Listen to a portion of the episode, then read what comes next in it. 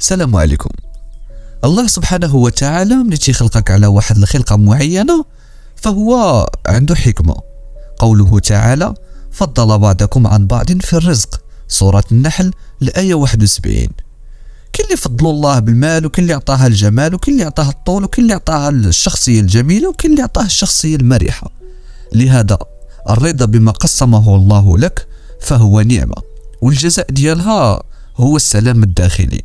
يعني تكون مرتاح مع نفسك. ولكن أكبر ظلم هو أننا نحكم على الشخص من النظرة الأولى. لهذا الموضوع ديال الحلقة ديالنا اليوم عنده علاقة بالثقة في النفس. شحال من واحد في الزمان ارتكب خطأ اللي خلاه يغير ليه حياته كاملة وخلاه يولي شخص آخر تماما على اللي كان عليه من قبل. صراحة الدنيا صعيبة لكن هذا الخطأ ما تغتفرش من طرف الإنسان. لكن الله يمكن أنه يغفر. نرتكب خطأ بحياتنا هي حاجة ممكنة. تقدر تكون عادية بسبب نقص في التجارب اللي تنعيشها لكن المشكل هو أننا نتمادوا في هذا الخطأ. تيقول واحد المثال من الظلم أننا نحكم على الحوت حيث ما تيقدرش يطير ومن الظلم كذلك أننا نحكم على الطير حيث ما تيقدرش يعوم.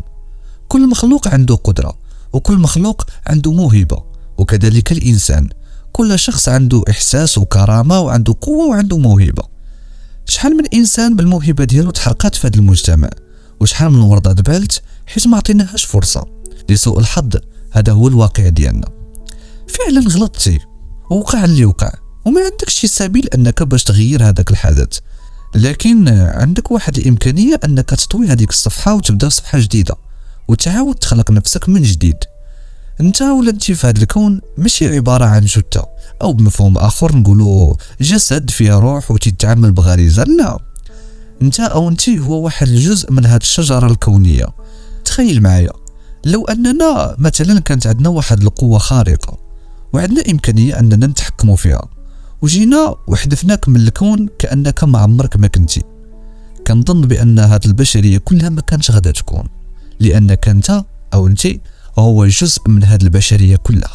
أو نقدروا نقولوا واحد المرحلة في البشر كامل اللي كاين على وجه الأرض.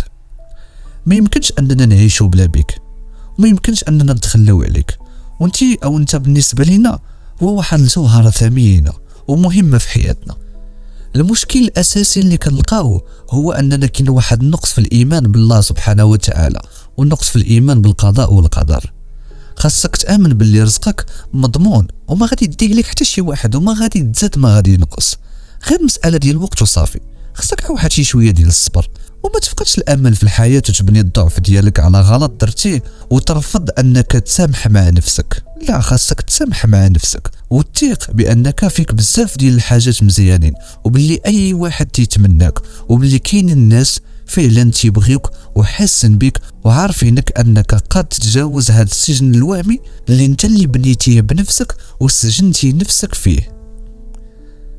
ما خصكش توصل لهذه الدرجة.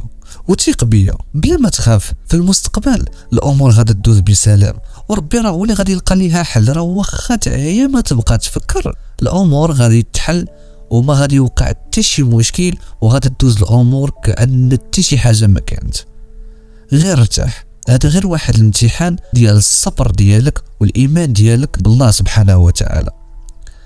بالنسبة للغلط ديالك ما يمكنش يكون كبر من الغلط اللي دار سيدنا آدم أنه كلا من الشجرة.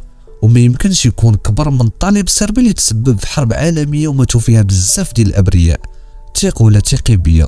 خصك تآمن بأن الغلط ديالك بالنسبة لنا حنايا راه لا شيء. وعنده حل. غير ثق في راسك وثق في الله والأمور كلها غادا تدوز. الخلاصة اللي بغيت نقول لك وهاد الفكرة اللي غادي نقول لك خصك تأمن بها وتعقل عليها مزيان. وبأن الحياة راها بسيطة وسهلة. راه غير حنا اللي كنصعبوها على راسنا. شكرا وكنتمنى لك السعاده في حياتك.